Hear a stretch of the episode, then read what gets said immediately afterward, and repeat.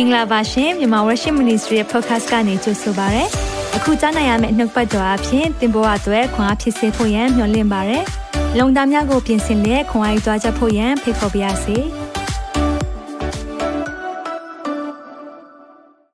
မင်္ဂလာပါ good morning good afternoon good evening မလို့နှုတ်ဆက်တယ်ကျွန်တော်နာမည် David Kim လို့ခေါ်ပါတယ်သင်ကြည့်ရှုနေတာကတော့မြန်မာ worship television ပဲဖြစ်ပါတယ် အဒီနေ့မိခွန်းနေဖြည့်ပေးခြင်းနဲ့ကျွန်တော်တို့မိခွန်းနေတချို့မိခွန်းနေတော့ကျွန်တော်တို့ privately ဖြည့်ပေးတဲ့အရာတွေရှိတယ်အာနှုတ်ပတ်တော်နဲ့ပတ်သက်တဲ့မိခွန်းတွေအဓိကဖြည့်ပေးပါတယ်ကိုကြီးကိုရာနဲ့ဆိုင်တဲ့မိခွန်းတချို့လည်းကျွန်တော်တို့ဖြည့်ပေးတယ်ဘာကြောင့်လဲဆိုတော့တမန်တရားနဲ့သွန်သင်ဖို့ရန်အတွက်အာကျွန်တော်တို့ကိုဖျားကခွဲခတ်မှတ်သားထားတာဖြစ်တဲ့အတွက်ကျွန်တော်တို့တမန်တရားနဲ့အတက်နိုင်ဆုံးဖြည့်ချပေးတယ်အဓိကပေါ့နော်ဒီနေ့ဖြည့်ပေးခြင်းတဲ့အရာလေးတွေရှိတယ်ဒါမဲ့ကျွန်တော်ဖြည့်ပေးတာတက် ဖျားရဲ့တန်ရှင်သောဝိညာဉ်တော်ဖြည့်ပေးရင်ပြည့်စုံပါလိမ့်မယ်ဒါကြောင့်ခဏလောက်တန်ရှင်သောဝိညာဉ်တော်ဖျားကိုကူညီတောင်းရအောင်ဒီနေ့ဝန်ခံခြင်းနှုတ်ပတ်တော်လေးကျွန်တော်တို့အမြဲဝန်ခံနေကြရလဲဝန်ခံရအောင်ဒီနှစ်သုံးနှုတ်ကပတ်တော်သည်ကျွန်ုပ်ချီရှိမှမိခွက်ဖြစ်၍ကျွန်ုပ်လမ်းကြီးကိုလင်းစေပါ၏ဘုရားရဲ့နှုတ်ပတ်တော်အပြင်ဒီနေ့မောင်နေတဲ့ကျွန်တော်ဘဝတွေအလင်းရဖို့ဘုရားကအလင်းပေးပါစေခဏလောက်အနံ့ရအောင် သက်ရှင်တော်ဖျားနာမတော်ကိုချီးမွမ်းပါ၏ကိုရောကောင်းမြတ်ပါတယ်ဒီနေ့မိသားစုတွေနဲ့ online မှာဆုံတွေ့ခွင့်ရလို့ယေရှုတင်တယ်ကိုရိုနာဘတ်တော်ကိုတာ၍နားလဲခြင်းပါတယ်ကျွန်တော်ဘဝမှာအဆင်မပြေမှုတွေရှိပါတယ်မိသားစုတွေထဲမှာနားမလည်မှုနဲ့ရှုပ်ထွေးမှုတွေရှိပါတယ်ဒီနေ့ရန်သူကလည်းကျွန်တော်တို့ရှုပ်ထွေးအောင်တမန်တရားကိုမသိအောင်နှောက်ရှက်တဲ့အရာတွေရှိပါတယ်။ဒါကြောင့်ကိုရောဒီနေ့နှုတ်ပတ်တော်အဖြစ်ကျွန်တော်တို့ကိုစကားပြောပါရှင်းလင်းရတဲ့အခွင့်ပေးပါ။အလိုတော်ဒီကောင်းကင်ဘုံမှာပြည့်စုံတဲ့ကဲ့သို့ဒီနေ့နှုတ်ပတ်တော် ခံယူနေကြတဲ့သူများအားလုံးမှာပြည့်စုံပါစေ။ကြီးမြတ်တဲ့ဘုရားရှင်ရဲ့နာမကိုချီးမွမ်းရင်းနဲ့သားတော်မြတ်သခင်ရှုနာမ၌စက္ကပ်ပါ၏။အာမင်။အာမင်။မိဘများတမန်တရားရဆိုပြီးတော့ကျွန်တော်အစီအစဉ်တစ်ခုလေးလုပ်ထားပေးတယ်။ နော်မေးပါများတမတရားရငယ်တော့ကတော့ BBC မှာမေးပါများစကားရဆိုတဲ့အစီအစဉ်လေးကြားဘူးတယ်နော်ကျွန်တော်တို့ဒီတုန်းက Google တွေဘာတွေမရှိတဲ့အချိန်ပေါ့နော်ကျွန်တော်တို့ဒီလို internet တွေမရှိတဲ့အချိန်မှာတော့တချို့ဟာလေးတွေသိချင်တဲ့အခါမှာစာရိတ်သက်တာအမှတ်နော်ရန်ကုန်မှာရှိတဲ့စာရိတ်သက်တာအမှတ်ကိုစာရေးပြီးတော့ပို့တာမျိုးပေါ့နော်ဆိုတော့အဲ့ဒီမှာလန်ဒန်ကနေဒီမိခွန်းတွေကို research လုပ်ပြီးတော့ပြန်ပြီးတော့တင်ဆက်ပေးတဲ့အစီအစဉ်လေးငယ်တော့ကကျွန်တော်တို့နားထောင်ခဲ့ဘူးတယ် နော်ဆိုတော့အခုဒါကြတော့မိဘများသမာတရားရဆိုတော့ကျွန်တော်သမာတရားနဲ့ဆက်ဆက်တဲ့မိခွန်းလေးတွေကိုအာနှုတ်ပတ်တော်နဲ့ကျွန်တော်ချိန်ထိုးပြီးတော့ဖြည့်ပေးသွားခြင်းတယ်လို့ဒါအပိုင်း၄ရောက်သွားပြီဆိုတော့1နှစ်3ကျွန်တော်ပြန်သွားနားထောင်ပါเนาะတချို့တွေတချို့မေးတဲ့မိခွန်းတွေအဲ့ဒီအပိုင်း1နှစ်3ထဲမှာ အာကျွန်တော်တို့ဘာကောင်းပါနိုင်တယ်လို့အကေမပါတဲ့မိခွန်းတွေရှိတယ်ဆိုရင်လည်းကျွန်တော်ထပ်ပြီးဖြည့်ပေးခြင်းတယ်နောက်တစ်ခုကချုပ်မိခွန်းတွေကြတော့အချိန်အများကြီးလိုတာမျိုးရှိတာပေါ့နော်ရုပ်တရက်ဖြည့်ရှင်းပေးလို့ရတာရှိတယ်အာတချို့ကြတော့လေတမချန်းစာနဲ့တေချာလေးချိန်ထိုးပေးဖို့လိုတဲ့မိခွန်းဆိုရင်တော့ကျွန်တော်နောက်အစီအစဉ်တွေမှာပြောပြသွားပေးမယ်ဆိုတော့ဒီနေ့၃ပိုင်းသွားခြင်းတယ်ဆိုတော့မိခွန်းနေထဲမှာအသင်းတော်နဲ့ဆိုင်တဲ့မိခွန်းတချို့လက်ခံရရှိထားတယ်အသင်းတော်ဘယ်လိုရှားမလဲ အာဖះနှစ်သက်တဲ့အသင်းတော်ဘယ်လိုမျိုးအသင်းတော်မျိုးကိုပါဝင်တင့်တယ်လဲစစသဖြင့်အိမ်မိခွန်းလေးတွေလည်းကျွန်တော်လက်ခံရရှိတာအများကြီးရှိတယ်။နောက်ခုနညီမငယ်တယောက်ဆိုအသင်းတော်တွေအများကြီးပြောင်းသွားတယ်။ဒါပေမဲ့ဖះစကားတန်မကြောက်စသဖြင့်ဒီလိုကြုံလာတဲ့အခါမှာအသင်းတော်နဲ့ဆိုင်တဲ့မိခွန်းလေးတွေကျွန်တော်ဖြည့်ပေးခြင်းနဲ့နောက်မလွတ်မြောက်ခြင်းပေါ့နော်တချို့ဆိုလည်းဒီမှာအထူးပဲအဒါကတော့ privacy ပေါ့ private မေးတဲ့မိခွန်းတွေရှိတယ်သူတို့တသက်ခံချက်တွေနဲ့ online မှာမပြောဖို့ သူတို့ဒါလေးကျွန်တော်တို့ကိုတောင်းဆိုတာမျိုးရှိတယ်ဒါပေမဲ့အဲ့ဒါနဲ့ပတ်သက်ပြီးတော့ဗောနော်မလွတ်မြောက်တဲ့အရာကနေဘယ်လိုလွတ်မြောက်နိုင်မလဲအပြစ်တွေခဏခဏပြန်လုံမိတယ်ယုံကြည်သူဖြစ်ပြီးနောက်ခွေးမိကောက်ကြီးတော့ဆွတ်သူတို့ကိုယ်တိုင်ရေးလာတဲ့အရာလေးတွေဖြစ်တာပေါ့ဒီလိုမျိုးမဖြစ်ချင်ဘူးတဲ့ဆရာဘာလို့ဘလို့လို့အသက်ရှင်ရမလဲဆိုတော့မလွတ်မြောက်ခြင်းပေါ့ deliverance နဲ့ပတ်သက်တဲ့အရာလေးတွေနဲ့ကျွန်တော်အဲ့ဒါလေးပြောပြချင်တယ်နောက်ပြီးအိမ်ထောင်ရေးနဲ့ဆိုင်တဲ့အရာเนาะဆိုတော့မြန်မာစကားပုံတော့ရှိတာပေါ့เนาะဂျားသုံးဂျားမဝင်နဲ့ เนาะဒါတွေတော့အာရှိပေမဲ့တခါလေအိမ်ထောင်ရေးအဆင်မပြေလဲအသင်းတော်ရန်ထိခိုက်တာတွေရှိတယ်ဒါကြောင့်အသင်းတော်အသင်းတော်ကိုကျွန်တော်တို့ကကြည့်ရှုတဲ့အခါမှာအိမ်ထောင်ရေးတွေတမန်ကျမ်းစာကဘာပြောထားလဲဒါနဲ့ပတ်သက်ပြီးတော့ဒီမငယ်တယောက်မေးလာတဲ့မိကုန်းနဲ့ပတ်သက်ပြီးတော့ကျွန်တော်အနေငယ်ဖြည့်သွားပေးခြင်းတယ်ဆိုတော့ဒီ၃ပိုင်းကိုသွားခြင်းတယ်ဆိုတော့ပထမတစ်ခုเนาะအသင်းတော်တစ်ခုဘယ်လိုရွေးချယ်မလဲအသင်းတော်တစ်ခုကိုဘယ်လိုရွေးချယ်မလဲဆိုတော့မိကုန်းကအရင်ကျေပြတ်ပါတယ် နော်အရန်ကိုကျေပြတ်နေဒါကြောင့်မလို့အဲ့ဒီထဲမှာပေါ့နော်ကျွန်တော်အာသင်းတော်နဲ့ပတ်သက်ပြီးတော့နည်းနည်းလေးပြောပြချင်တယ်ဆိုတော့အသင်းတော်လို့ပြောရင်တည်ထားမယ့်အရာ၃ခုရှိတယ်တစ်ခုကပါလဲဆိုတော့6ပြစ်ကင်းသေးလဲစင်တဲ့အသင်းတော်ဆိုတာမရှိဘူး6ပြစ်ကင်းသေးလဲစင် perfect church ဘာမှပြောစရာမလိုဘူးဆိုတဲ့အသင်းတော်မရှိဘူးအဲ့ဒါနံပါတ်1သိရမယ်ပြီးရင်6ပြစ်ကင်းသေးလဲစင်တဲ့အမှုတော်ဆောင်လည်းမရှိဘူး ကျွန်တော်တို့ကြည့်ပြီးတော့ဟာဆရာတို့အရန်ပြည့်စုံတယ်မပြည့်စုံပါဘူးသင်ကျွန်တော်တို့မသိသေးတာပဲဖြစ်လိမ့်မယ်ကျွန်တော်တို့ပြည့်စုံလွန်းလို့အမှုတော်ဆောင်နေတာမဟုတ်ဘူးမပြည့်စုံမဲနဲ့မပြည့်စုံတဲ့ကြားတွေကနေဘုရားကိုချစ်တဲ့စိတ်နဲ့ဘုရားရဲ့မေတ္တာနဲ့ဘုရားရဲ့ခေါ်ခြင်းကိုသိပြီးတော့အလုံးလုံးနေတာဖြစ်တယ်နောက်ပြီးရင်6ဖြစ်ကင်းသင်လဲစဉ်နဲ့အသင်သားဆိုတာလည်းမရှိဘူး6ဖြစ်ကင်းသင်လဲစဉ်နဲ့တဲလဲစဉ်အသင်တော်မရှိဘူးမူရဆောင်မရှိဘူးအသင်သားလည်းမရှိဘူးဒါနဲ့ပတ်သက်ပြီးတော့ နော်လူရှိပြီဆိုပြဿနာရှိတယ်အဲ့ဒါကိုသိထားဖို့လိုတယ်လူရှိရင်ပြဿနာရှိတယ်အာကျွန်တော်ကျွန်တော်ရဲ့ Pastor Brian ပေါ့နော် Brian Houston his song ရဲ့ founding pastor ကဘာပြောဘူးလဲဆိုတော့သူဟာသားတစ်ခုပြောဘူးတယ် we were a perfect church until you come တဲ့မြင်မရောက်လာခင်အချိန်ထိငါတို့အသင်းတော်ကပြည့်စုံတယ်တဲ့သူဟာသားလို့ပြောဘူးတယ်ပြောချင်တဲ့သဘောကဘာလဲဆိုတော့တင်လာလိုက်တော့မှပဲအသင်းတော်မပြည့်စုံဖြစ်သွားတယ် ဒါကြောင့်ကျွန်တော်တို့တစ်ခါလေးမှာဟာဒီအသင်းတော်ကလည်းမပြည့်စုံဟိုအသင်းတော်လည်းမကောင်းကျွန်တော်အမျိုးမျိုးပြောပေမဲ့တင်သိတာပေါ့အသင်းလည်းမကောင်းအသင်းလည်းမပြည့်စုံအကြောင်းကျွန်တော်မပြည့်စုံတဲ့သူတွေအချင်းချင်းရှိနေတာဖြစ်တဲ့အတွက်အသင်းတော်တစ်ခုကိုဘယ်လိုရွေးချယ်တင်တယ်လဲအဲ့လိုမေးလာပြီဆိုရင်တော့ကျွန်တော်တို့အသင်းတော် perfect church ဆိုတဲ့စံနှုန်းသိကျင်တော့အသင်းတော်9ပါးเนาะကျွန်တော်ဗျာဒိတ်ကျမ်းတွေအသင်းတော်9ပါးဗျာဒိတ်2နဲ့3နဲ့အရာကျွန်တော်အခြေတဝင့်ရှင်းပြဘူးတယ်ဒီအရာဖျားနှစ်သက်တဲ့အသင်းတော်တွေ เนาะရှိပါတယ်ဒီလိုအသင်းတော်တွေကစံနှုန်းဖြစ်တယ်ဆိုတော့ကျွန်တော်တို့အကျမ်းပေါ့နော်အသင်းတော်တစ်ခုကိုရွေးချယ်တော့မယ်ဆိုရင်ဘာရွေးချယ်တင်လဲဆိုတာကိုကျွန်တော်ပြောပြချင်တယ်အဲ့ဒါနဲ့ပတ်သက်ပြီးတော့ပေါ့နော်အသင်းတော်ထဲမှာရှိတဲ့အရာလေးတွေကြံပိုက်အများကြီးရှိတယ်ဒါပေမဲ့အဲ့ဒီထဲမှာမှကျွန်တော်အသင်းတော်တစ်ခုဟာဘာနဲ့တူလဲဆိုတဲ့အရာလေးကိုပြောပြချင်တယ်အဲ့ဒါဘာလဲဆိုတော့ကျွန်တော်တို့ကအသင်းတော်ဆိုတာ organization မဟုတ်အဖွဲ့အစည်းမဟုတ်အသင်းတော်ဆိုတာ organism အသက်ရှင်တဲ့အစိတ်ပိုင်းဖြစ်တယ်အသင်းတော်ဆိုတာပြန်ပြောမယ်နော်အဖွဲ့အစည်းမဟုတ်ဘူးရှင်သန်နေတဲ့အစိတ်အပိုင်းတွေဖြစ်တယ်ဆိုတော့ကိုခန္ဓာကိုကြည့်လိုက်အဲ့ဒါအသင်းတော်နဲ့တူတယ်နော်ဆိုတော့ဦးကောင်းကဘာနဲ့တူလဲသခင်ယေရှုပုံဆောင်တယ်ကျွန်တော်တို့ရဲ့ကိုခန္ဓာဘာနဲ့တူလဲသခင်ယေရှုရဲ့သတို့သမီးဖြစ်တယ်အသင်းတော်ဖြစ်တယ်ဆိုတော့ဒီကိုခန္ဓာကိုကြည့်တဲ့အခါမှာကျွန်တော်တို့လက်ရှိတယ်လက်ညှိုးတွေရှိတယ်အစိတ်ပိုင်းတွေအများကြီးရှိတယ်ဆိုတော့ခြေထောက်ရှိတယ် မြင်ရတဲ့အရာတွေဆိုတော့ကျွန်တော်မျက်စိတွေရှိတယ်နားရှိတယ်နော်ဒါပေမဲ့မမြင်ရတဲ့အစိတ်ပိုင်းရှိလားရှိတယ်ဆိုတော့အဲ့ဒီမမြင်ရတဲ့အစိတ်ပိုင်းလဲအထဲမှာအလုတ်လုံနေမမြင်ရအောင်ရုပ်တရက်ကြည့်လိုက်တဲ့ခါမှာမမြင်ဘူးဆိုတော့နှလုံးတို့ကြောက်ကတ်တို့အဆုပ်တို့အစာအိမ်တို့အသေးတို့ဥကလီစားတွေအကုန်လုံးအထဲမှာအလုတ်လုံနေတယ်ဒီအစိတ်ပိုင်းတစ်ခုခုကအလုတ်မလုတ်တော့ဘူးဆိုကျွန်တော်တို့ဘာဖြစ်လဲဒီမကောင်းဘူးမကြမ်းမာဘူးဖြစ်ကုန်ရော အဲကြောင့်အသင်းတော်တစ်ခုဆိုတာကိုအင်္ဂါနေတဲ့အားလုံးဆက်ဆက်နေတာဖြစ်တဲ့အတွက်ကြောင့်မလို့ဖခင်ကကျွန်တော်တို့ကိုအသင်းတော်ဆိုရင်ကိုလက်အင်္ဂါနဲ့အမြဲတမ်းခိုင်းနိုင်လေးရှိတယ်။နော်အဲ့ဒီထဲမှာမှခေါင်းဆောင်လေးရှိတယ်။အဲ့ဒီခေါင်းဆောင်ထဲမှာမှကျွန်တော်သိထားဖို့ကပါလဲဆိုရင်တော့ဖခင်ရဲ့ခွန်ခြင်းနဲ့အလုပ်လုပ်တဲ့54 ministry ဆိုတာလေးပေါ့နော်လက်၅ချောင်းနဲ့တူတယ်။အဲ့ဒီထဲမှာဘာတွေပါလဲကျွန်တော်နှုတ်ပတ်တော်နဲ့တစ်ချက်လောက်ကြည့်အောင်နော်။ APEC လေးစတင်တဲ့စနစ်ထဲမှာရှိတယ်။ခရစ်တော်ဤကိုရောကိုတိဆောက်၍ ဓမ္မဆရာကြီးအမှုကိုပြုတတ်မိအကြောင်းဆိုတော့ခရစ်တော်ဤကိုရောဆိုတာအသင်းတော်ပြောတာဒီဆောက်မဲ့ဓမ္မဆရာပြုရမယ်ဟာဆိုတော့ခေါင်းဆောင်နဲ့ဆိုင်တဲ့အရာလေးတွေပြောပြခြင်းနဲ့တန်ရှင်းသူတို့ပြင်ဆင်ခြင်းလုံငါထို့သခင်ဒီလူအချို့ကိုတမန်တော်အရာတဲ့ဆိုတော့ကျွန်တော်လက်၅ချောင်းနဲ့မှတ်ထားလိုက်ပါတမန်တော်အရာဆိုလက်မနဲ့တူတယ်ပြီးရင် prophet အရာလက်ညှိုးနဲ့တူတယ်ဘာကြောင့်ဆိုတော့ဖခင်ရဲ့စကားကြားတဲ့ prophet တွေကညွှန်ပြနိုင်တယ် direction ပေးတယ်နောက်ဆိုတော့လက်မနဲ့ဘာနဲ့တူလဲဆိုတော့ဒီလက်မက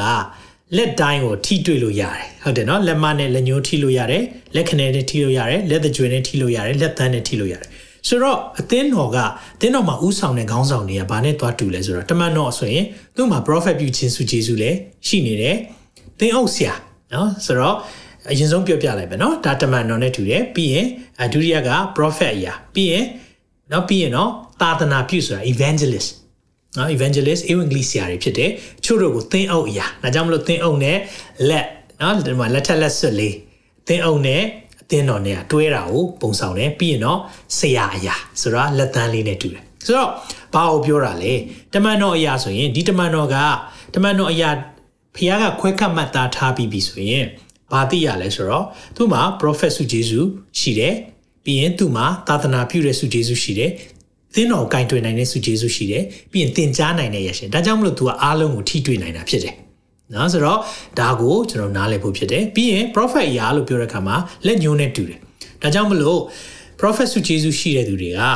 ဖះဘာဖြစ်စီခြင်းတဲ့အရာ direction ပေးတာဖြစ်တယ်နော်ဒါ direction ပေးတာဖြစ်တယ်ပြီးရင်သာသနာပြုအရာဆိုတော့ဖះရဲ့သာသနာပြုတဲ့အရာကလက်ငါးချောင်းထဲမှာမြင့်တယ်ဘာကြောင့်လဲဆိုတော့ evangelist တွေ ဆိုတော့ဝိညာဉ်ဖမ်းတဲ့သူတွေဖြစ်တဲ့အခါမှာသူတို့သူတို့ရဲ့စုဂျေဇူးဟာဘုရားကကျွန်တော်တို့ကိုဒီမှာမြင်တွေ့ရတဲ့အတိုင်းပဲပေါ့နော်သူ့ရဲ့စုဂျေဇူးကလည်းအားလုံးထဲမှာနော်မြင်တွေ့ရတဲ့အတိုင်းပဲသာသနာပြုဆရာဟာအရေးကြီးတယ်ဆိုတဲ့အရာကိုပြောထားတာဖြစ်တယ်လို့သင်အောင်ဒါကြောင့်မလို့နော်လက်သကြွယ်လေးနဲ့နှိုင်းတယ်ပြီးရင်တော့ကျွန်တော်တို့လက်စွပ်လေးဆွတ်ထားသလိုပဲအသင်းတော်နဲ့တွဲပြီးလုပ်တယ် ဒါဆိုရင်ဆရာဆိုတာ teacher နော် teacher တွေ teaching လုပ်တဲ့သူတွေကြတော့လက်သားလေးနဲ့တူတယ်ဘယ်နေရာဖြစ်ဖြစ်နောက်ဝင်ဆက်လို့ရတယ်။နောက်ဒီဥပမာကတော့အရန်ကြီးတော့ဟိုကောင်းတာတော့မဟုတ်ဒါပေမဲ့ရှင်းတော့အောင်ပြောပြချင်တယ်နော်ဆိုတော့ဟိုဒီဒီလက်လက်တန်းလေးကြတော့เนาะနားလဲကလော်လို့ရတာပေါ့ဟုတ်လားเนาะဒါနှာခေါင်းလဲနှိုက်လို့ရပါဆိုတော့ तू ကသေးတော့နေရာတကာဝင်ဆက်နိုင်တယ် ထိုနည်း၎င်းပဲအာဖះကဆရာအရာနိုင်ဆိုတာ teacher တွေဖြစ်တဲ့အခါမှာတော့ဒီအရာအဖြစ်လောက်ကင်တဲ့အခါမှာနေရာအတိုင်းမှာသွားလို့ရတာပေါ့เนาะဆိုတော့ဒီစုကျေးဇူးတွေအခုရှိသေးလားရှိပါတယ်เนาะကျွန်တော်တို့ကတော့ရှိသေးတယ်လို့ခံယူတဲ့ gain ဖြစ်တယ်အကယ်၍သင်ကတော့ဒီစုကျေးဇူးတွေပပျောက်သွားပြီလို့ခံယူရင်เนาะဒါသင်ရဲ့သဘောဖြစ်တယ်ဒါပေမဲ့ကျွန်တော်တို့ကတော့ဒီအရာစုကျေးဇူးတွေဟာလက်ရှိခေတ်မှာလည်းရှိနေသေးဖြစ်တယ်လို့ခံယူတဲ့ခံယူချက်နဲ့သွားတဲ့အသင်းတော်တွေဖြစ်တယ်ငါလေးကိုနားလဲစီဆိုတော့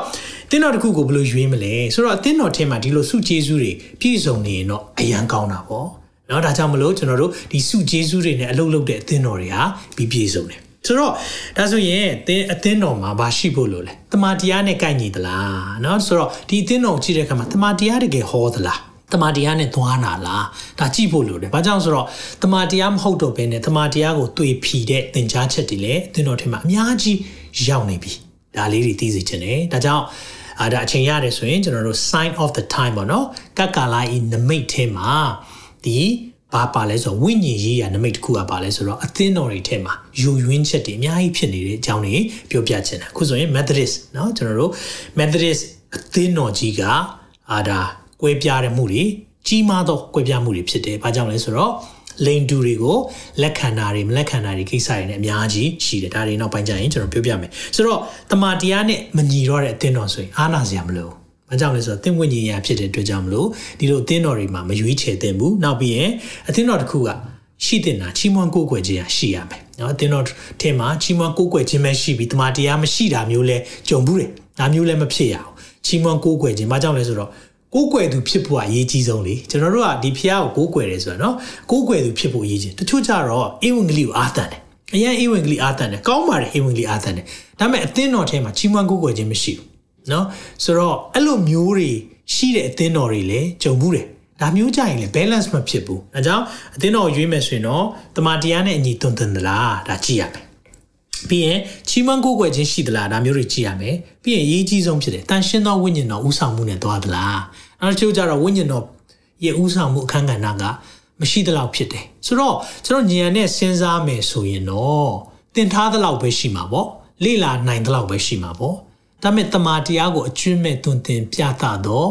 တန်ရှင်သောဝိညာဉ်တော်ဥဆောင်ခိုင်းမယ်ဆိုရင်တော့ကျွန်တော်တို့ရဲ့အသင်းတော်ဟာတမာတရားနဲ့ပြည့်စုံလိမ့်မယ်ဒါကြောင့် သင်တော်ရွေးမယ်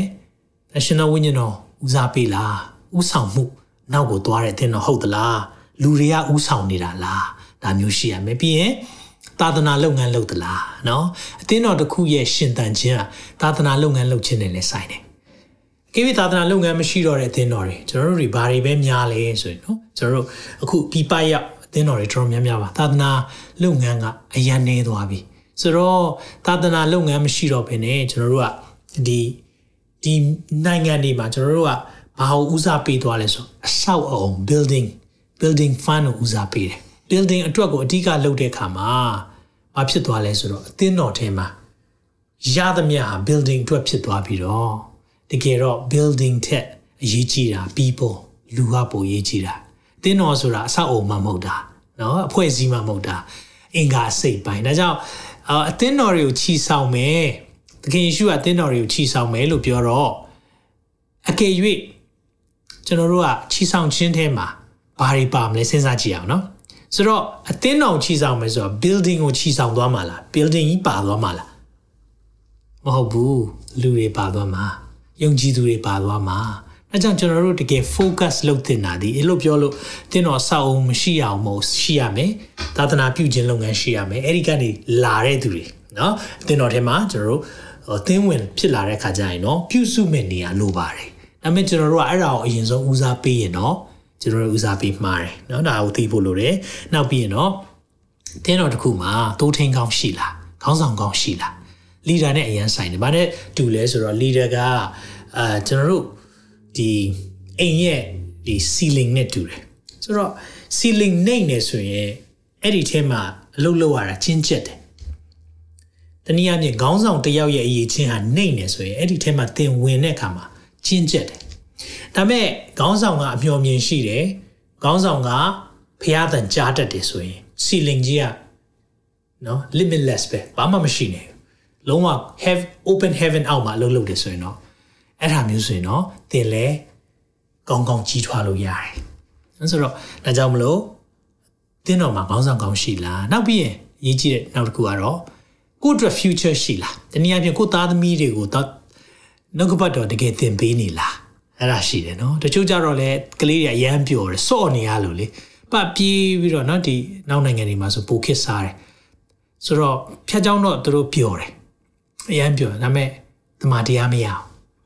ဆော့ပဲဆော့ပေးနေဒါမျိုးတွေလည်းမဖြစ်ဖို့လိုတယ်ဒါကြောင့်မှန်တယ်တင်းတော်ဆိုတာပြောရမယ့်နေရာဖြစ်တယ်ဒါပေမဲ့တစ်ချိန်တည်းမှာပဲဖခင်ရဲ့နှုတ်ကပတ်တော်နဲ့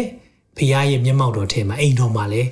ပျော်ရွှင်ဖို့ဟာဒီနှုတ်ကပတ်တော်ရသွားဖို့လည်းလိုတယ်ဒါကြောင့်ဒီအရာလေးတွေနဲ့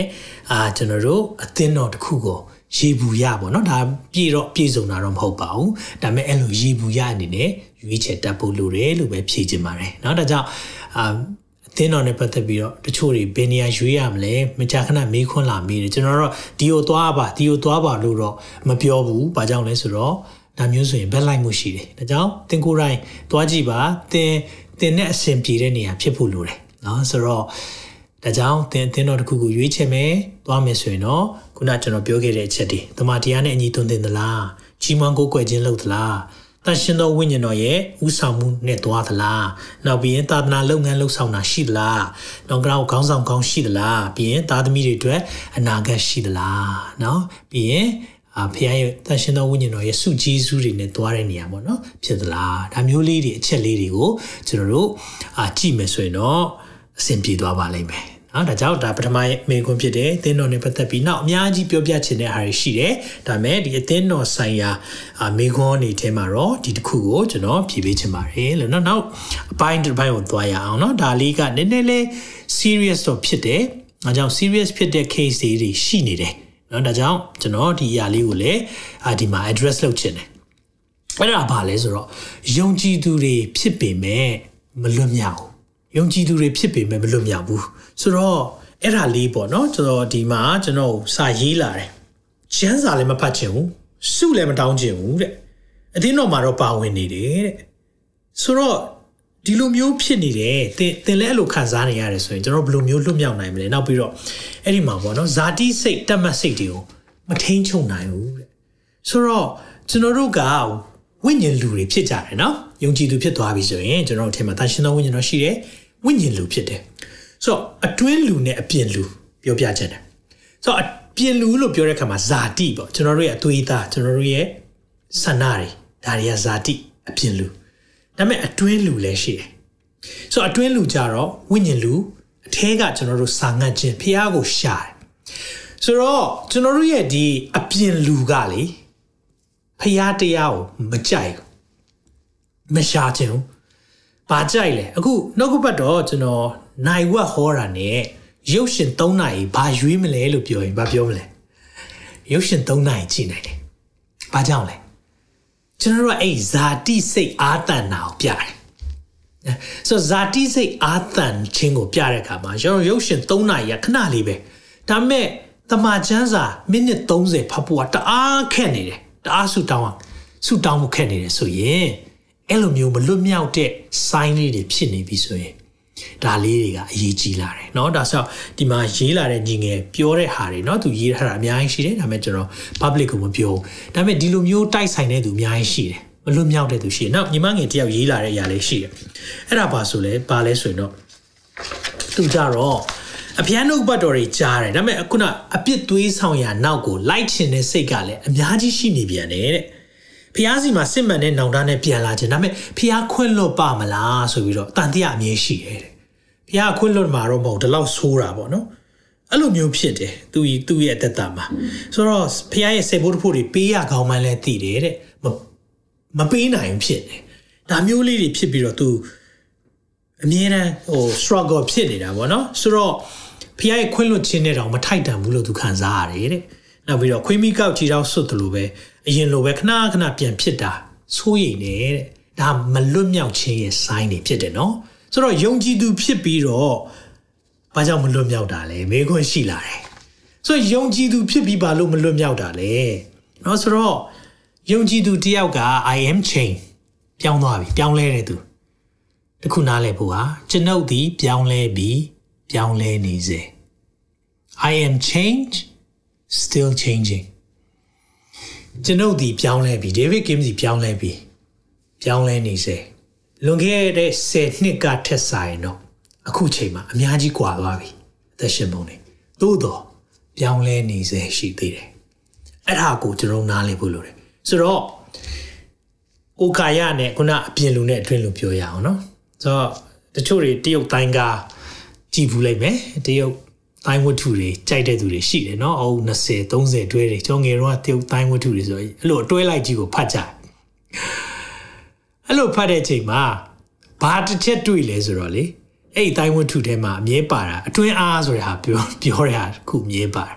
တိုင်းကွက်တူနေတော့မှအတွင်းအားကောင်းဖို့ဆိုတာသူတို့တွေကအမြဲတမ်းအတွင်းအားကျင့်စဉ်ကိုကျင့်တယ်တဲ့အတွင်းအားအတွင်းအားလို့ပြောပြောတယ်ဒါပေမဲ့ယုံကြည်သူတွေလည်းလေအဲ့ဒီအတွင်းလူအတွင်းအားဆိုတဲ့အတွင်းလူခိုင်ခန့်ဖို့လိုတယ် ဆိုတော့ခုနလိုမျိုး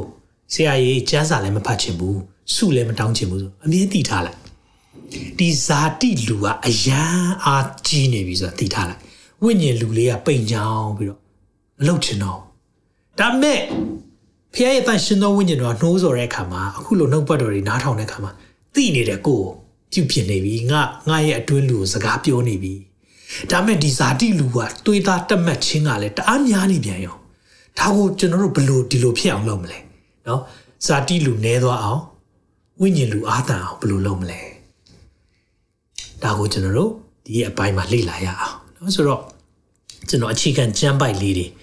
ပြောပြောပြခြင်းတယ်ဆိုတော့ကျွန်တော်တို့ကယုံကြည်သူဖြစ်သွားပြီဆိုရင်ဒါကျွန်တော်တို့ကဂျေဇုတရားအောက်မှာအသက်ရှင်တော်သူတွေဖြစ်တယ်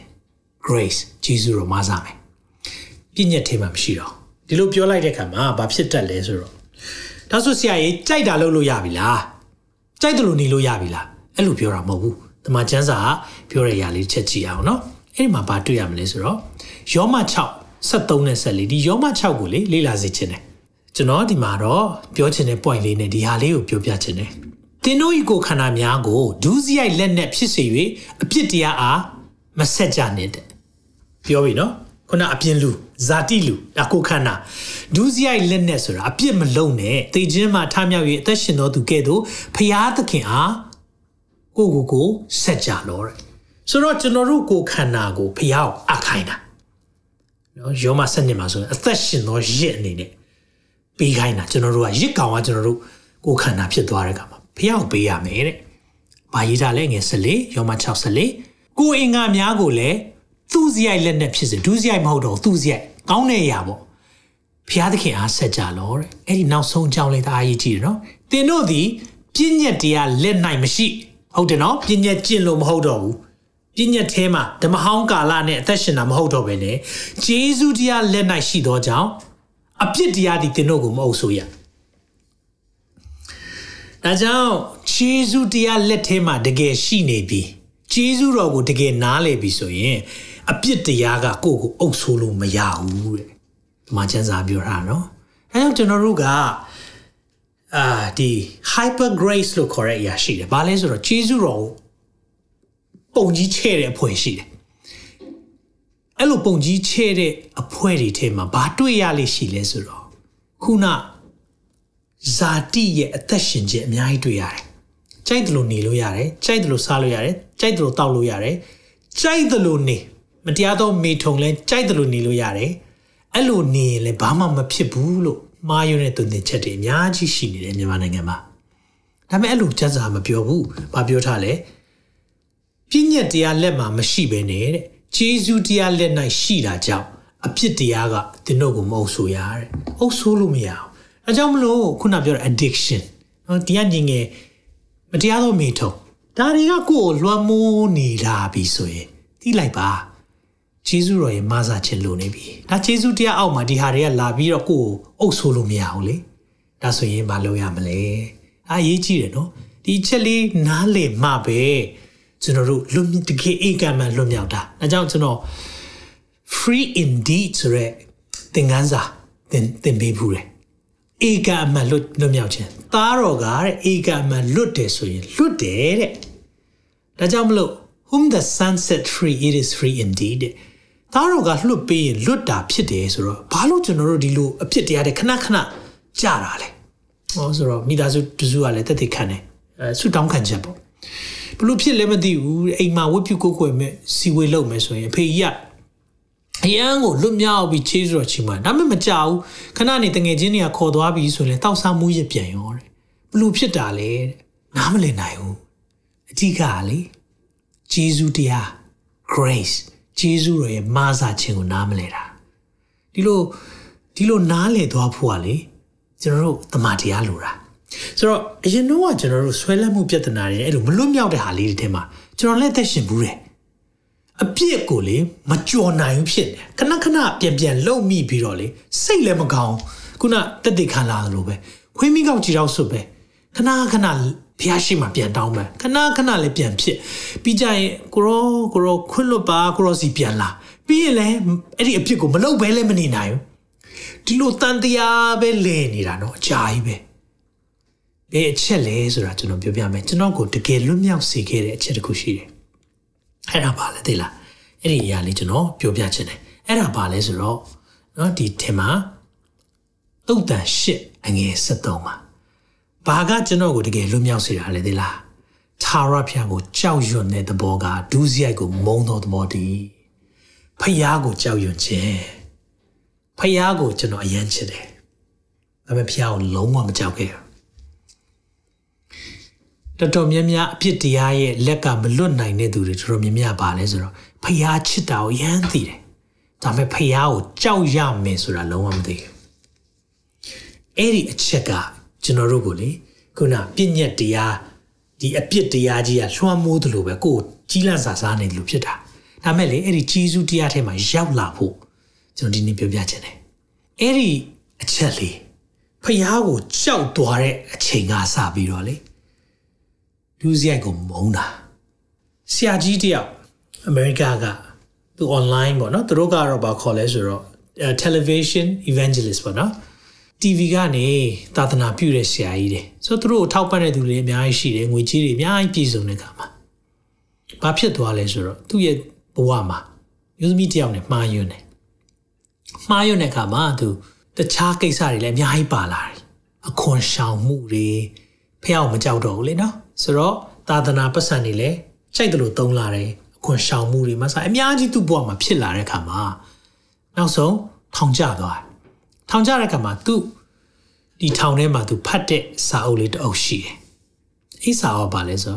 The Fear of the Lord သာရဖျောက်ကြောက်ရွံ့ခြင်းစာအုပ်ဆိုရယ် John Bevere ရဲ့စာအုပ်သူဖတ်မိသွားတယ်။ဖတ်မိတဲ့ချိန်ကျတော့ဒီရဲ့စာရေးတဲ့သူသူတွေးကျင်တယ်ဆိုပြီးသူခွင့်တောင်းတဲ့ခါမှာအဲ့ဒီစာရေးဆရာသူ့ကိုထောင်ထဲမှာသွားတွေ့တယ်။သွားတွေ့တဲ့ခါမှာစကားတွေပြောကြရင်ဒီစာအုပ်ကကျွန်တော်ဘဝကိုအရန်ကိုမြင်စေတဲ့အရာတစ်ခုဖြစ်တယ်။အဲ့ဒါ ဒီစာရေးဆရာကလည်းဒီဆရာပေါ့နော်စာရေးတဲ့ဆရာကသူသိကျင်တာပေါ့ဘလို့ဖြစ်တာလဲဆရာကြီးဖះရဲ့အမှုတော်မြတ်ကိုလည်းဆောင်ရွက်နေရင်းနဲ့ဖះကိုဒီလောက်ချစ်နေရင်းနဲ့ဘာလို့အခုလိုဖြစ်သွားလဲလို့ပြောတော့သူပြန်ပြောလိုက်တယ်အဲ့ဒီဆရာကြီးကပြန်ဖြေတယ်ငါလေဖះကိုရမ်းချစ်တယ်ဒါပေမဲ့ငါဖះကိုမကြောက်ဘူးဖះကိုမကြောက်ရင်အကုန်လုပ်တယ်ဒါပေမဲ့ဖះကိုကြောက်တဲ့သူကြတော့လေဒုစရိုက်ကိုမုန်းတယ် ဒါဆိုဖះကိုကြောက်တယ်ဆိုတာဘာလဲဟာဖះကိုဘယ်လိုကြောက်မှာလဲဖះကိုကြောက်တယ်ဆိုရင်မဖះကိုကြောက်ခြင်းမှာနားလဲဖို့ကဘာလဲဆိုတော့ကြောက်လန့်တာမဟုတ်ကြောက်ရွံ့တာကြောက်လန့်ခြင်းနဲ့ကြောက်ရွံ့ခြင်းပါလေ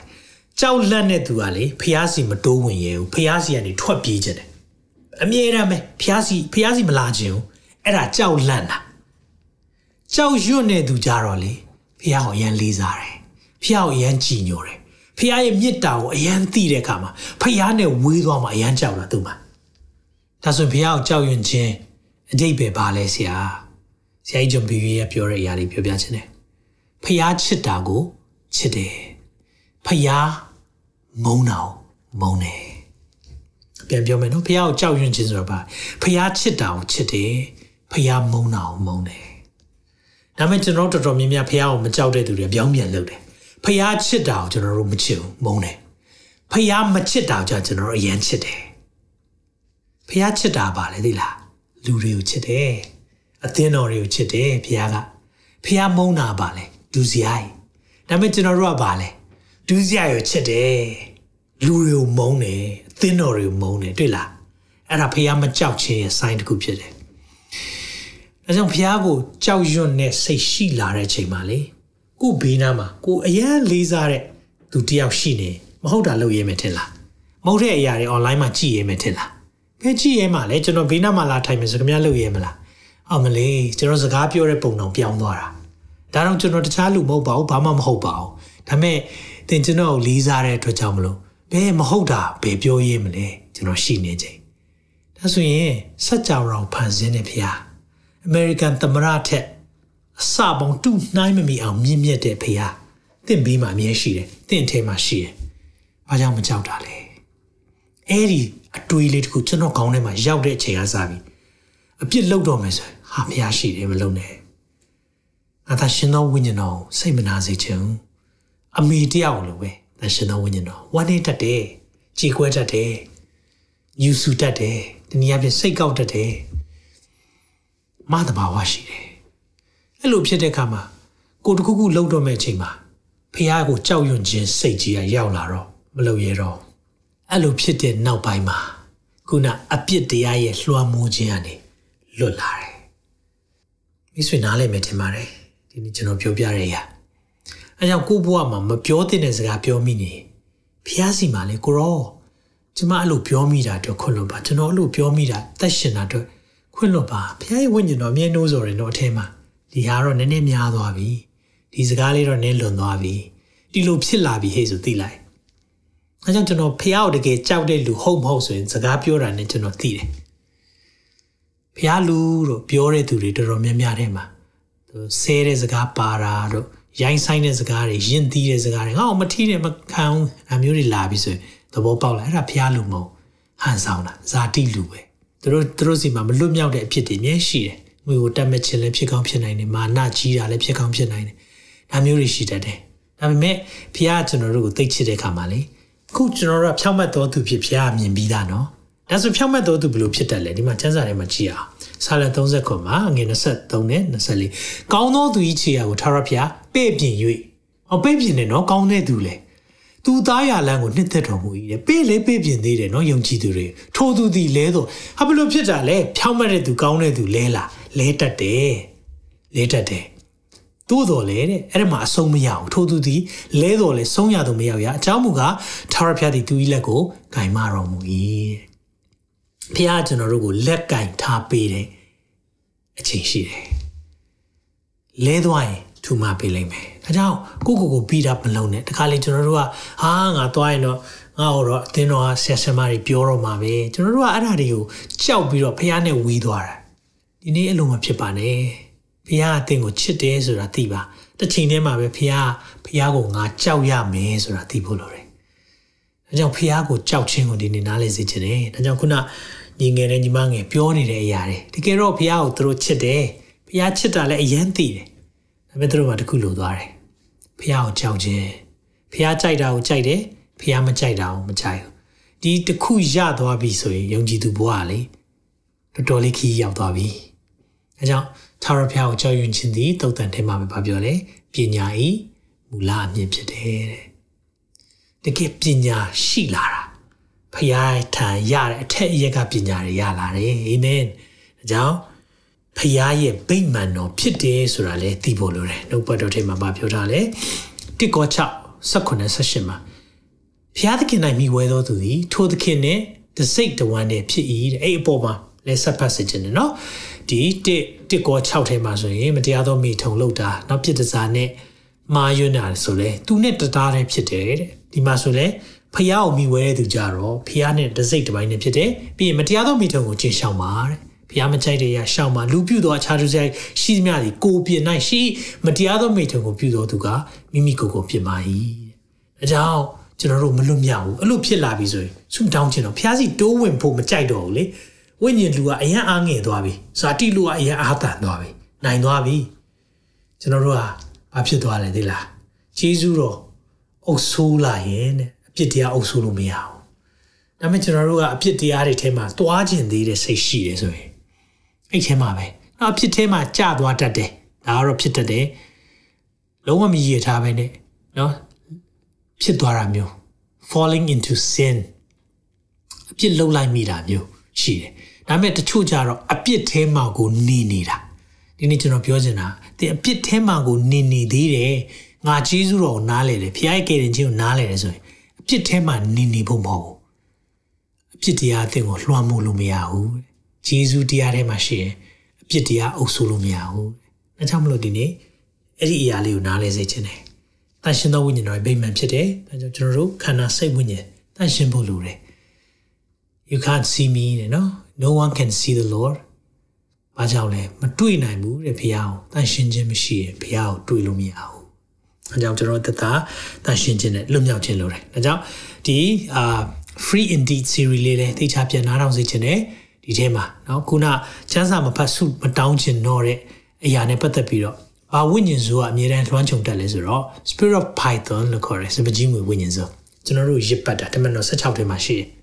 အဲ့ဒါကိုဘာနဲ့ဖြေရလဲဆိုတော့ချီးမွမ်းခြင်းနဲ့ဖြေရတယ်။ကေကေချမ်းစာဖတ်တာဆုတောင်းတာမလုပ်ချင်လေဒီချီးမွမ်းခြင်းကိုယ်ကွယ်ခြင်းတခြင်းတွေဖွင့်ထားပြီးတော့စူးစမ်းပြီးတော့အဲ့ဒါကိုလိုက်စောလွတ်မြောက်လာနိုင်မယ်။အာမင်။ဒါကြောင့်မချီးမွမ်းခြင်းနဲ့ချိန်ရှိတတ်တယ်။ဆုမတောင်းခြင်းနဲ့ချိန်ရှိတတ်တယ်။ ဒါမျိုးဖြစ်လာပြီဆိုရင်နားလည်လိုက်ပါ။ဖះကိုကြောက်ဖို့လိုတယ်။ငါဖះကိုကြောက်ဖို့လိုတယ်။ဖះရှိမှလာပြီးတော့ဆုတောင်းလိုက်ကိုရောဖះကိုကြောက်ရွံ့ခြင်းကြောက်ရွံ့တဲ့သဘောပေးပါလို့တောင်းလိုက်။အာမင်။ဒါအကောင်းဆုံးသောဆုတောင်းချက်တရားတစ်ခုဖြစ်တယ်ဖះကိုကြောက်ရွံ့တဲ့သဘောကျွန်မကိုပေးပါကျွန်တော်ကိုပေးပါကိုရောလို့ဒါဆိုရင်လေကျွန်တော်တို့အများကြီးဖះထဲမှာအာဖះရဲ့တန်ရှင်းခြင်းထဲမှာတဖြည်းရောက်လာလိမ့်မယ်အာမင် ဒါလေးကတော့ဒုတိယအပိုင်းပေါ့နော်မလွတ်မြောက်ခြင်းဒါကြောင့်ကျွန်တော်မိကွန်းလေးတွေနည်းနည်းလေး deep ဖြစ်သွားမှဆိုလို့ပေါ့နော်ကျွန်တော်တို့အာဒီအရာလေးတွေကိုစူးစမ်းပြီးတော့ဖြည့်သွားတာဖြစ်တယ်ပြည့်စုံခြင်းမှပြည့်စုံလိမ့်မယ်ဒါပေမဲ့ဒီအရာလေးတွေကိုသိချင်တယ်ဆိုရင်ကိုတော့ကျွန်တော်တို့ညွန်နေနှုတ်ကပတ်တော်တွေပြန်နားထောင်ပေးပါလို့เนาะနောက်နောက်ဆုံးအပိုင်းလေးတစ်ခုကျွန်တော်သွားခြင်းတယ်အဲ့ဒါကတော့အိမ်တောင်ကြီးနဲ့ဆိုင်တဲ့မိခွန်းလေးတစ်ခုအာလက်ခံရရှိတယ် နော်ဆိုတော့အိမ်ထောင်ကြီးနဲ့ဆိုင်တဲ့မိကွန်းဖြစ်တဲ့ခါမှာတော့ကျွန်တော် public ကိုပြောတဲ့ခါမှာခက်ခဲတတ်ပါတယ်ဒါပေမဲ့ဒီလိုမျိုးကြုံတဲ့သူလည်းရှိကောင်းရှိနိုင်တဲ့အတွက်ကြောင့်မလို့ပြောတာဖြစ်တယ်ဆိုတော့ဒီမှာတော့မျိုးသမီးတယောက်စာရေးလာတဲ့ခါမှာမိသားစုအထူးသဖြင့်ဒီမိသားစုထဲမှာအဆင်မပြေဘူးတဲ့အဆင်မပြေတဲ့အကြောင်းကဘာလဲဆိုတော့ခင်မွန်းတွေကမိသားစုကိုမိသားစုကိုကြည့်မဲ့အစားပေါ့နော်ဇနီးတွေနဲ့သားသမီးတွေကိုကြည့်ရှုမဲ့အစားသူ့ရဲ့ အဖေမေတွေမောင်နှမတွေကိုကြည့်ရှုတာပုံများတယ်တဲ့ဒါကြောင့်မလို့အိမ်ထောင်ရေးစင်မပြေဘူးတဲ့ကေ၍ဒီဒီလိုကိစ္စတွေရှိတယ်ဆိုရင် तू ကဘယ်လောက်ထိပြောလာလဲဆိုတော့ဟိုကွဲကျင်တယ်တဲ့ဆိုတော့အဲ့လိုပြောလာတဲ့ခါမှာတော့အိမ်ထောင်ကွဲကျင်တယ်ယုံကြည်သူပါတဲ့သဘောညီတယ်တဲ့နှစ်ယောက်လုံးယုံကြည်သူဖြစ်တယ်ဒါပေမဲ့ဒီအိမ်ထောင်မှာတမာတရားနဲ့စန့်ကျင်ပြီးလုပ်တဲ့အရာတခုရှိတယ် ဒါလေးကိုပြောပြချင်တယ်နော်ရေးကြည့်လို့ဖြစ်တယ်ဒါကြောင့်မလို့တင့်အိမ်ထောင်မှာလည်းအခုလိုခံစားနေရတယ်ဆိုရင်တင်တမာတရားနဲ့လွဲသွားတာတစ်ချက်ရှိတယ်အဲ့ဒါကိုပြင်လိုက်ရင်အဆင်ပြေသွားတယ်ဆိုတော့အမျိုးသားတွေကိုကျွန်တော်နည်းနည်းပြောချင်တယ်ဆိုတော့ကျွန်တော်တို့ကအိမ်ထောင်မှာအိမ်ထောင်ဦးစီးလို့ကျွန်တော်တို့ကနော်သတ်မှတ်ကြတာပေါ့နော်ကျွန်တော်တို့ဆိုတော့ကျွန်တော်တို့အိမ်ထောင်ဦးစီးတွေကကျွန်တော်တို့ရဲ့ဆုံးဖြတ်ချက်နဲ့ကင်တွယ်တဲ့အရာအများကြီးကြီးတယ်တင့်ကို နော်အိမ်ထောင်ရှိတဲ့မျိုးသားတွေကိုမေးကြည့်ချင်တယ်တတင့်ကိုဖျားပေးထားတဲ့ကောင်းကြီးထဲမှာအကြီးဆုံးကောင်းကြီးနဲ့ဖျားကြည့်တဲ့အရာတစ်ခုရှိတယ်သိလားလားဇနီးတယ်ဇနီးတယ်ဒီအချက်ကိုနားမလည်ရင်အိမ်ထောင်လုံးဝအဆင်မပြေဘူးဒါကြောင့်ဒီတစ်ခုနားလည်ဖို့လိုတယ်နော်ဆိုတော့အိမ်ထောင်မှာဖျားကကျွန်တော်တို့ကိုလေပေးထားတဲ့ကောင်းကြီးအကြီးဆုံးတစ်ခုပြောပါ ဇနီးတယ်ဖြစ်တယ်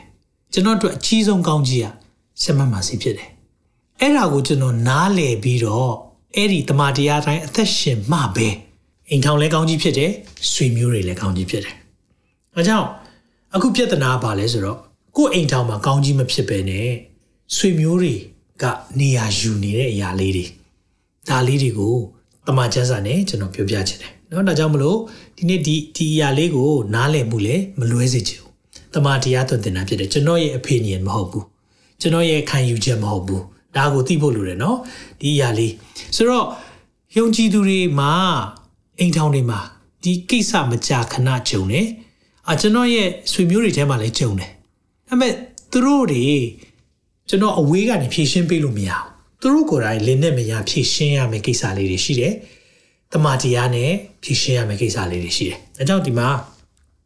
ကွဲကျင်လာပြီဟေ့ ကွဲတင်လာစရာခွင့်မလွတ်နိုင်တာတွေများလာပြီခါးသီးလာပြီခွင့်လွတ်ခြင်းစာမွဲပေါ့နော်ခက်ခဲဆုံးစာမွဲလေခဏခဏကြာတယ်ဒီလိုဖြစ်လာတဲ့အတွက်ကြောင့်မလို့ကျွန်တော်ဒီရဲ့အခုဖြစ်နေတဲ့အရာလေးကိုဒါ address လုပ်တာဖြစ်တယ်။ဒါကြောင့်အိမ်တော်မှာဖခင်ရဲ့ကောင်းကြီးလည်းခံစားခြင်းနဲ့တစ်ချိန်တည်းမှာပဲဖခင်ရဲ့တမန်တရားအတိုင်းသွားခြင်းနဲ့ဆိုရင်သခင်ယေရှုပြောတဲ့အရာလေးကိုကျွန်တော်တို့တစ်ချက်လောက်ကြည့်အောင်။အဲ့ဒါဘယ်ထဲမှာတွေ့ရလဲဆိုတော့ရှင်မသက်19ထဲမှာ လင်မယားကွာရှင်းခြင်းဆိုတဲ့အရာလေးနဲ့ပတ်သက်ပြီးတော့သခင်ကိုယ်တိုင်တွင်တင်ထားတဲ့အရာလေးကိုပြောပြခြင်းတယ်။အဲ့ဒီမှာဖာရီရှဲတွေကရောက်လာတယ်ရောက်လာပြီးတော့မိခွန်းနေမေးကြတယ်။တော်တော့ကြောက်ချခြင်းနဲ့မိခွန်းပေါ့။ဖာရီရှဲဆိုတာတော့ကျမ်းသက်ပုဂ္ဂိုလ်တွေကျမ်းစာကိုကျွမ်းနေပေါ့။ဒါပေမဲ့အဲ့ဒီမှာမေးတယ်မိခွန်းအငယ်၃ကနေဖတ်ခြင်းနဲ့ဖာရီရှဲတို့ဒီအထံတော်သို့လာ၍လူသည်ခတ်သိမ်းသောအပြစ်ကြောင့်မိမိမယားနဲ့ကြွားအပ်သလိုဟုစုံစမ်း နှောက်ယှက်ခြင်းကမေးကြတော့ဆိုတော့သူကသခင်ကိုစုံစမ်းခြင်းလို့နှောက်ယှက်ခြင်းလို့မေးတဲ့မေးခွန်းဖြစ်တဲ့အခါမှာကိုရောကအစအဦး၌ဖန်ဆင်းတော်မူသောသူသည်ယောက်ျားနဲ့မိန်းမနှစ်ယောက်တည်းကိုဖန်ဆင်းတော်မူ၏တဲ့ဆိုတော့လူယောက်ျားနဲ့လူမိန်းမကိုဖျားဖန်ဆင်းပြီဆိုတာကျွန်တော်သိတယ်အဒမ်နော်အာရန်နဲ့အေဝဆိုတော့ဒီနှစ်ယောက်ကိုဖျားဖန်ဆင်းထားပြီးတော့အကယ်၍အိမ်ထောင်ပြုတ်ပြီဆိုရင်အရေးကြီးတဲ့အချက်တစ်ခုလုပ်ဖို့လိုတယ် အဲ့ဒါဘာလဲဆိုတော့ထိုအကြောင်းကြောင့်ယောက်ျားသည်ကိုမိဘကိုစွန့်၍ကိုခင်ဘော၌မိဝဲသဖြင့်ထိုသူနှစ်ယောက်တို့သည်တသားတကူတည်းဖြစ်ရလိမ့်မည်ဟုကြမ်းဆိုသည်ကိုသင်တို့မဖတ်ဘူးလို့တဲ့။နော်ဘာဥကရေကဖះပါပြောတယ်။အိမ်ထောင်ပြုတ်မယ်ဆိုရင်တဲ့မိဘကိုစွန့်ခဲ့ပါတဲ့။ကျွန်တော်ပြောတာမဟုတ်နော်။သခင်ယေရှုကပြောတာ။ဒါကြောင့်ဒီလိုပြောတဲ့ခါမှာမိဘကိုယူသည်စွာပြုတ်လို့ဆိုတာရောရှိတယ်မဟုတ်လားဆရာရှိပါတယ်။ ဒါပေမဲ့ဒီမှာသခင်ပြောခြင်းတဲ့သဘောကဘာလဲဆိုတော့ဒီမိဘနဲ့ညီကိုမောင်နှမတွေကကျွန်တော်တို့နှစ်ဦးမဟုတ်ပဲနဲ့တဦးဖြစ်နေတယ်ဖြစ်နေဖို့အဲ့ဒါဘုရားပြောတာလူနှစ်ယောက်ကတသားတကူတည်းဖြစ်သွားတဲ့ခါမှာထို့ကြောင့်တဲ့အငယ်ချောင်းလင်မယားတို့ဒီနှုတ်မို့တူရဖြစ်သည်ဘုရားသခင်ဆက်ဆက်တဘိုးတင်တဲ့အရာလူမခွဲခွာစေနဲ့တဲ့တော်တော်များများဖြစ်တာဘာဖြစ်တာလဲဆိုတော့ကျွန်တော်တို့ကကိုယ်အိမ်ထောင်တဲ့ ကိုယ်ဇနီးတဲ့ကိုကြည့်ရှုရမှာတဲ့ယောက်ျားကဘာသွားလုပ်လဲဆိုတော့သူ့ရဲ့မိဘတွေညီကောင်မောင်နှမတွေတွားကြည့်လိုက်တဲ့အခါမှာအဲ့ဒီမှာပြဿနာရှိတယ်။အိမ်တော်မှာပြဿနာရှိတယ်။ဒီလိုပြောလို့မိဘတွေမကြည့်ရဘူး။မောင်နှမတွေမကြည့်ရအောင်မဟုတ်ဘူး။ဒါပေမဲ့တခါလေမှကျွန်တော်တို့ကလေအဲ့ဒီမောင်နှမတွေအတွက်မိဘတွေအတွက်ဘာသွားဖြစ်တယ်ဆိုတော့ဖျားနေရသွားယူတာ။ဆိုတော့ဖျားနေရသွားယူမိတဲ့အခါမှာ အဲ့မောင်နှမတွေကတခုခုခက်ခဲလာရင်မရင်ချက်တော့ကိုအားမကိုမကိုတော့အမောင်လေးဖြည့်ရှင်ပေးလိုက်မယ်မောင်စီပဲပြေးတော့တာအမောင်ကကောင်းကြီးရှိတဲ့သူမောင်စီပဲသွားမယ်အကိုစီပဲသွားမယ်ဒါမျိုးဖြစ်လာတယ်သူ့မှာစူးစမ်းရမယ်သူအလုပ်လုပ်ရမယ်သူ့ဖက်ကနေရက်တီရမယ်ဆိုတာကိုသိမစူးစမ်းတော့အဲ့လိုမျိုးဖြစ်လာတဲ့အခါမှာဇနီးတွေကလည်းအခုဒီမှာဆိုရင်ဗာပြောလဲဆိုတော့အာသူ့မျိုးသားပြောတယ်မင်းဇာတိရန်ဆန်တာပဲ ဒါဖះသဘောမဟုတ်ဘူးတဲ့အမှန်ကမဟုတ်ဘူးသူကိုယ်တိုင်ကဖះသဘောမရှိတာဖះကဘာပြောလဲဒီအရာတွေစွန့်ပြီးသွားပါတဲ့နော်ဆိုတော့ဒါနဲ့ပတ်သက်ပြီးတော့နော်အိမ်ထောင်ကျောင်းတင်တဲ့အာဆရာဆရာမတွေရဲ့တုန်တင်ချက်တွေလည်းအများကြီးရှိတယ်နော်ဒါလေးတွေကျွန်တော်နားထောင်ပြီးတော့သင်ခန်းစာယူဖို့ဖြစ်တယ်ဒါကြောင့်ဒီလိုဖြစ်လာတဲ့အခါမှာအိမ်ထောင်မှာအမြဲတမ်းအာကြောက်စားတွေဖြစ်လာမယ်အဆင်မပြေမှုတွေဖြစ်လာတယ်ဆိုတော့အိမ်ထောင်ဦးစီးမဖြစ်တော့ဘဲနဲ့ကိုကအရာအားလုံးကို နော်ကြည်ရှုဆွေမျိုးတွေအားလုံးကြည်ရှုတဲ့အခါမှာကိုယ်အိမ်ထောင်မှာအဆင်မပြေမှုတွေဖြစ်လာတယ်။ဒါကြောင့်ကျွန်တော်တို့ address လုပ်ရမယ့်အရာတွေမှန်တယ်မိဘတွေကိုမကြည့်ရှုအောင်မကြည့်ရှုရမယ်။မောင်နှမတွေမကြည့်ရှုအောင်မကြည့်ရှုရမယ်။ဒါပေမဲ့သင်ရဲ့ဖျားပေးထားတယ်နော်မျိုးသားတွေပြောမယ်နော်သင်ကိုဖျားဘယ်လိုပြောလဲသိလား။အသင်းတော်သခင်ယေရှုကအသင်းတော်ကိုချစ်တဲ့ကဲသို့ချစ်ရမယ်။ဘယ်လိုချစ်ခိုင်းတာလဲ။အသက်ပေးပြီးကိုကျိုးဆွန့်ပြီးကိုချစ်ခိုင်းတာ။ခုနလိုကူညီနေတာကိုကျိုးဆွန့်တာမှမဟုတ်တာ။ ကိုယ့်ဘက်ကိုရက်နေတာလေ။အဲ့လိုအချိန်တွေမှာတော့အဆင်ပြေမှာမဟုတ်။အိမ်တော်ကဒီလိုမျိုးဖြစ်လာတဲ့ခါမှာတော့ဒါနှစ်ယောက်လုံးစကားပြောရမှာပေါ့နော်။ဟိုကတစ်ယောက်တည်းပဲစကားပြောလို့မရအောင်။ဆိုတော့ဒီမှာကျွန်တော်မြန်မာဝရှိမီသားစုတွေထဲမှာဒီလိုကိစ္စတွေရှိတယ်ဆိုရင်နှစ်ယောက်လုံးဒါအဖြေရှာဖို့လိုတယ်။ဒီလိုဖြေရှာမှပဲအဆင်ပြေမယ်။ဒါပေမဲ့ဖျားဖတ်ဆက်ထားတဲ့အတွက်ကြောင့်မလို့ဒီအဖြေတွေเนาะကျွန်တော်တို့ကကွာရှင်းလိုက်လို့ဒီကိစ္စပြီးသွားမှာမဟုတ်ဘူး။ အာဒါကွာရှင်းဖို့လည်းလိုတဲ့ကိစ္စမဟုတ်ဘူး။ကျွန်တော်မြင်တော့ဒီကိစ္စကနှစ်ယောက်ဆွေးနွေးရမယ် counseling လိုတယ် marriage counseling လိုတယ်အမြန်မာအသင်းတော်တွေထဲမှာဒီကိစ္စကိုသိမပြောဘူးဆိုကြားသုံးကြားမဝင်နဲ့လင်မယားကြားထဲမဝင်နဲ့မောင်နှမကြားထဲမဝင်နဲ့သားသမီးနဲ့မိဘကြားထဲမဝင်နဲ့အဲ့ကြားသုံးကြားမဝင်နဲ့ဆိုတဲ့အခါမှာဒါကတော့အမ်ဆိုရိုးစကားတော့ဟုတ်ပါတယ်ဒါပေမဲ့တမန်တရားမဟုတ်ဘူးလေနော်တမန်တရားကတော့ပြောထားပြီးသားဖြစ်တယ်ခင်မွန်းတဲ့ကတဲ့ ခရစ်တော်အသင်းတော်ကိုချစ်တယ်လို့ပဲကိုယ်စရင်းတဲ့ကိုချစ်ရမယ်တဲ့အဲ့လိုချစ်တယ်ဆိုရင်အဆင်ပြေလာလိမ့်မယ်ဆိုတော့ကျွန်တော်တို့ဇနီးမောင်နှံကြားထဲမှာတော့နှစ်ဖက်ပေးကမ်းတာပြဿနာမရှိဘူး။ဘာကြောင့်မရှိလဲဆိုတော့တလုံးတို့ရတယ်ဖြစ်လာပြီ။ဆိုတော့ကိုယ့်ရဲ့ဦးစားပေးခြင်းဟာကျွန်တော်ရဲ့အကြီးမားဆုံးကောင်းကြီးဟာဆင်မမစီလို့တည်ထားပြီးတဲ့ချိန်မှာကျွန်တော်ဒီကောင်းကြီးကိုကျွန်တော်ထိန်းသိမ်းရမယ်။ဒီကောင်းကြီးကိုတနေ့မှာဖျားရှိမှာ ရောက်လာတဲ့ခါမှာမင်းငါပေးထားတဲ့ကောင်းကြီးနဲ့ဘာလုပ်လဲ။ဒါအရေးကြီးသွားပြီ။အိမ်မေးခွန်းကျွန်တော်ဖြေရတော့မယ်။အဲကြောင့်ဒီအရာလေးကိုတည်တဲ့နောက်ပိုင်းမှာเนาะကျွန်တော်တို့အဆင်ပြေသွားဖို့လိုတယ်မဟုတ်ဘူးဆိုရင်เนาะဆိုတော့တခါကြီးကျတော့ကျွန်တော်တို့ကအာကိုအိမ်တောင်ဘက်ကိုဟောက်ကိုကိုအိမ်တောင်မတိဆောက်ပဲနဲ့မိဘအိမ်ပြန်လာနေတာတော့အကုန်လုံးရှိလာတဲ့ခါမှာအဆင်မပြေတော့เนาะဆိုတော့အဲ့လိုမျိုးတွေ များတာပေါ့เนาะဆိုတော့တစ်မျိုးလုံးပါခေါ်ချလာတဲ့အမျိုးသားတွေလည်းရှိတယ်သူမိဘအိမ်ကိုခေါ်ချလာဖះအဲ့လိုမျိုးမိဘကိုဆွတ်မိသွားဆိုကိုအိမ်ကကိုထွက်သွားခိုင်းတာသွားကိုဟာကိုရက်တီစူးစမ်းเนาะဆိုတော့ဒီလိုမျိုးကျွန်တော်တို့နားလည်ဖို့လိုတယ်ဒါကြောင့်เนาะကျွန်တော်တို့အချိန်လေးနည်းနည်းများသွားပြီဆိုတော့ဒီအရာလေးတွေကိုကျွန်တော်တို့တမန်တရားနဲ့ချိန်ထိုးပြီးတော့နားလည်တယ်ဆိုရင်ခုနဖျားဖတ်ဆက်ထားတဲ့အရာဖြစ်တဲ့အတွက်လူမခွဲခွာစေဖို့အရေးကြီးတယ်ဆော်တော့လုပ်ဖို့လိုတယ်ဒီ ကိစ္စကိုဖြေရှင်းဖို့လိုတယ်ဖျားရှိမှလာပြီးတော့ကျွန်တော်တို့ဘယ်လိုမျိုးအာကူညီမလဲခက်ခဲတဲ့ဆွေမျိုးတွေဘယ်လိုကူညီမလဲကူညီရမှာပေါ့နော်ဒါပေမဲ့တခါလေကျတော့ဟိုကိုအင်ဂျီချွတ်ပေးတာတဲ့ခါလေသူများအင်ဂျီကိုချွတ်ပေးတာလွယ်တယ်လीနော်အဲဆိုတော့ဟေးငါငါညီလိုနေတယ်ပေးမင်းအင်ဂျီပေးအဲ့လိုဖြစ်တာတော့မကောင်းဘူးလीနော်ဆိုတော့ကျွန်တော်တို့ကိုယ့်ရဲ့ရှာဖွေတဲ့အရာဟေးငါရှာထားတာမင်းဘာမှမပြောနဲ့အဲ့လိုလည်းမဟုတ်ဘူးတကယ်တော့နှစ်ဦးမဟုတ်တူဦးဖြစ်တဲ့ခါမှာ ခင်မွန်းတဲ့ရှာထားတာဒီလေဒါနှစ်ယောက်လုံးရှာထားတဲ့အရာဖြစ်တယ်နော်ဒါကိုလည်းနားလည်ပြီးတော့ဖျားပေးထားတဲ့ကောင်းကြီးတွေကိုခွဲခတ်မှတ်သားတက်မယ်ဆိုရင်ကျွန်တော်ဘုရားမှာအရင်ဆင်ပြေမယ်လို့ပဲဒီနေ့ဖြည့်ခြင်းဖြည့်ပေးခြင်းပါတယ်เนาะဒါကြောင့်နောက်ပိုင်းမှာကျွန်တော် marriage နဲ့ပတ်သက်ပြီးတော့လည်းသင်ပေးခြင်းတဲ့အရာတွေအများကြီးရှိတယ်ဆရာမနဲ့ကျွန်တော်တို့သမာကျမ်းစာနဲ့ဒီအရာလေးတွေဘာကြောင့်တိဆောက်ပေးခြင်းလဲဆိုတော့ကျွန်တော်တို့ဒီလင်းနဲ့မရပါတော့เนาะအိမ်ထောင်နေတည်မြဲလာတဲ့ဒီအရာလေးတွေကောင်းလာတယ်ဆိုရင်တော့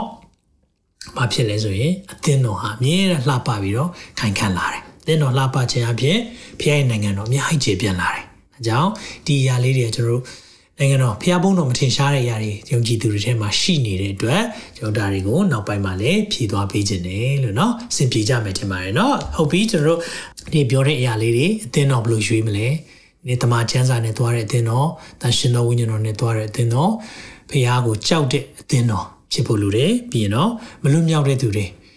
ဖះကိုကြောက်ရွံ့ခြင်းနဲ့သွားဖို့ရန်အတွက်ကျွန်တော်တို့ဒီနေ့မှာသင်ယူရတယ်နောက်ပြီးတော့ကျွန်တော်အိမ်ထောင်ကြီးနဲ့ပတ်သက်တဲ့အရာတွေเนาะသားသမီးနဲ့ပတ်သက်ကျွန်တော်တို့တော့သားသမီးမရှိဘူးဒါပေမဲ့ဖះရဲ့နှုတ်ပတ်တော်နဲ့အာကျွန်တော်သင်ပေးနေရတဲ့ဝိညာဉ်သားသမီးတွေအများကြီးရှိတယ်ဆိုတော့သူတို့ရဲ့အသက်တာမှာဒီလိုအရာလေးတွေကိုနားလည်ပြီးတော့အသက်တာမှာတိဆောက်လာမယ်ခင်မွန်တဲ့ကလည်းဇနီးတဲ့ကိုခရစ်တော်အသင်းတော်ချစ်တယ်လို့ချစ်မယ်ဇနီးတဲ့ကလည်းဖ ခင်မွန်းတဲ့ရဲ့အုပ်ဆိုးခြင်းကိုဝန်ခံမယ်ဆိုရင်သားရဲဖြစ်လာမယ်တဲ့เนาะဒီအရာလေးနဲ့ပြောခြင်းနဲ့ကျွန်တော်ခဏလောက်ဆူတောင်းပေးခြင်းနဲ့သက်ရှင်သောဖျားနာမတော်ကိုချီးမွမ်းပါတယ်ဒီနေ့နှုတ်ပတ်တော်ကျွန်တော်တို့မေးပန်းများသမာတရားရအစီအစဉ်တွေလည်းကိုရောယေရှုတင်တယ်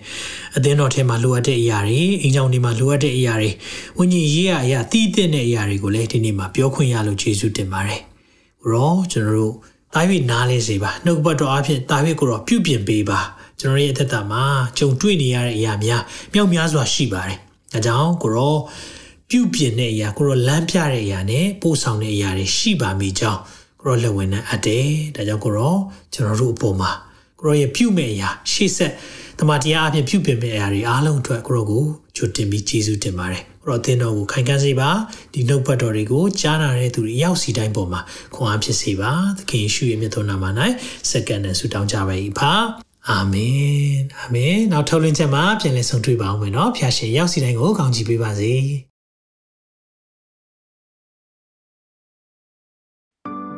တင်ခုလိုနာဆင်ခွန်အားနိုင်ခြင်းဟာမြန်မာ Worship Ministry ကိုလာဆင်ပန်ပိုးနေကြတဲ့ Kingdom Partners များအကြောင်းဖြစ်ပါတယ်။ဖျားခင်နိုင်ငံတော်ကျယ်ပြန့်ရေးအတွက်လာဆင်ပေးကမ်းပောင်းဖို့ရန်ဖိတ်ခေါ်လိုပါတယ်ရှင်